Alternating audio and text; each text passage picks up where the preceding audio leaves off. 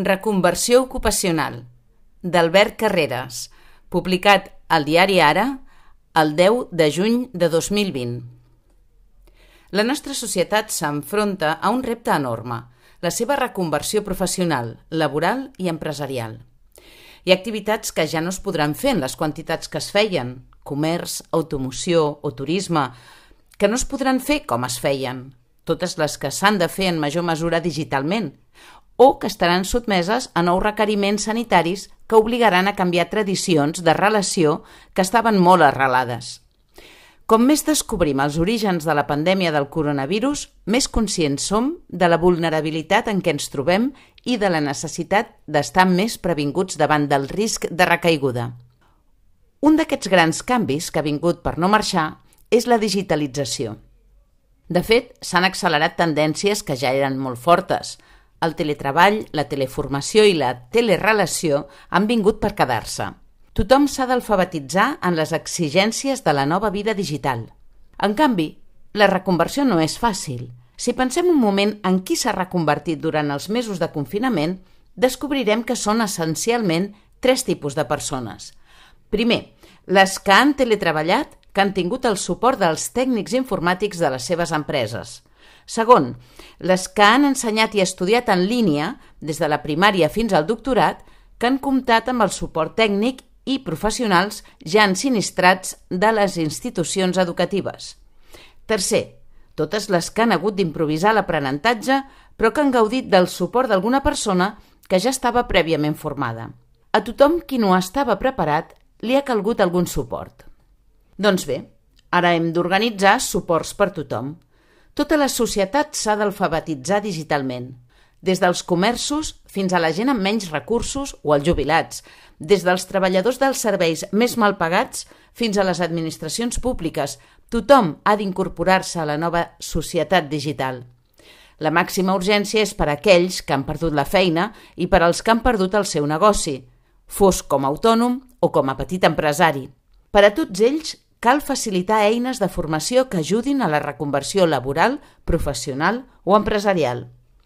Després, i mentrestant, vindran els que no són econòmicament actius però que són ciutadans actius, amb plenitud de drets.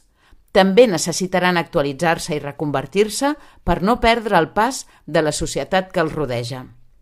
Amb quins recursos comptarem per a aquestes reconversions? Amb els fons comunitaris que sempre han vingut per a reconversió ocupacional i que ara tornaran a venir dins dels grans paquets d'ajudes excepcionals per refer el teixit productiu després de la paràlisi econòmica del confinament. Vindran de la Comissió Europea, o dels governs de l'Estat o de la Generalitat o dels ajuntaments, però vindran. Qui es dedica actualment a la reconversió ocupacional? Entitats que hi estan especialitzades. Quina eficàcia tenen? Molt baixa. Quan es comparen les polítiques de reconversió ocupacional a escala europea, es descobreix sempre el contrast entre l'eficàcia de les polítiques de l'Europa central i septentrional amb la ineficàcia de les que s'apliquen a l'Europa meridional.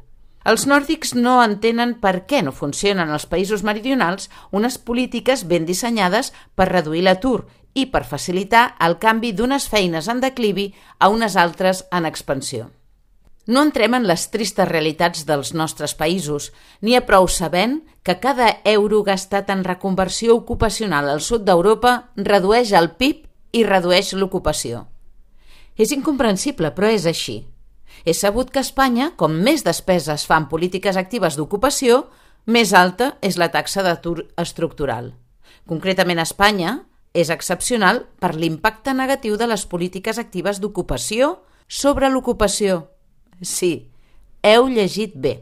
Com podem sortir de l'atzucac que suposa que els diners destinats a polítiques actives d'ocupació generin més desocupació? La resposta només pot ser encarregar la gestió d'aquests fons quantiosíssims a entitats o institucions ben acreditades per l'eficàcia en la gestió de la formació. Afortunadament n'hi ha. Són de dues menes. Les empreses, que estan interessades en formar els seus treballadors, i les institucions educatives a càrrec d'ensenyaments reglats que tenen llarga trajectòria contrastada de formar els seus estudiants. Aquestes institucions educatives poden ser escoles, instituts o universitats, però tenen en comú que fan ensenyaments reglats i que estan molt supervisades, controlades i avaluades. no se'ls coneixen fraus. Estan contínuament sotmeses a l'escrutini públic i a la competència per atreure estudiants. Són idònies per gestionar els fons per a les polítiques actives d'ocupació.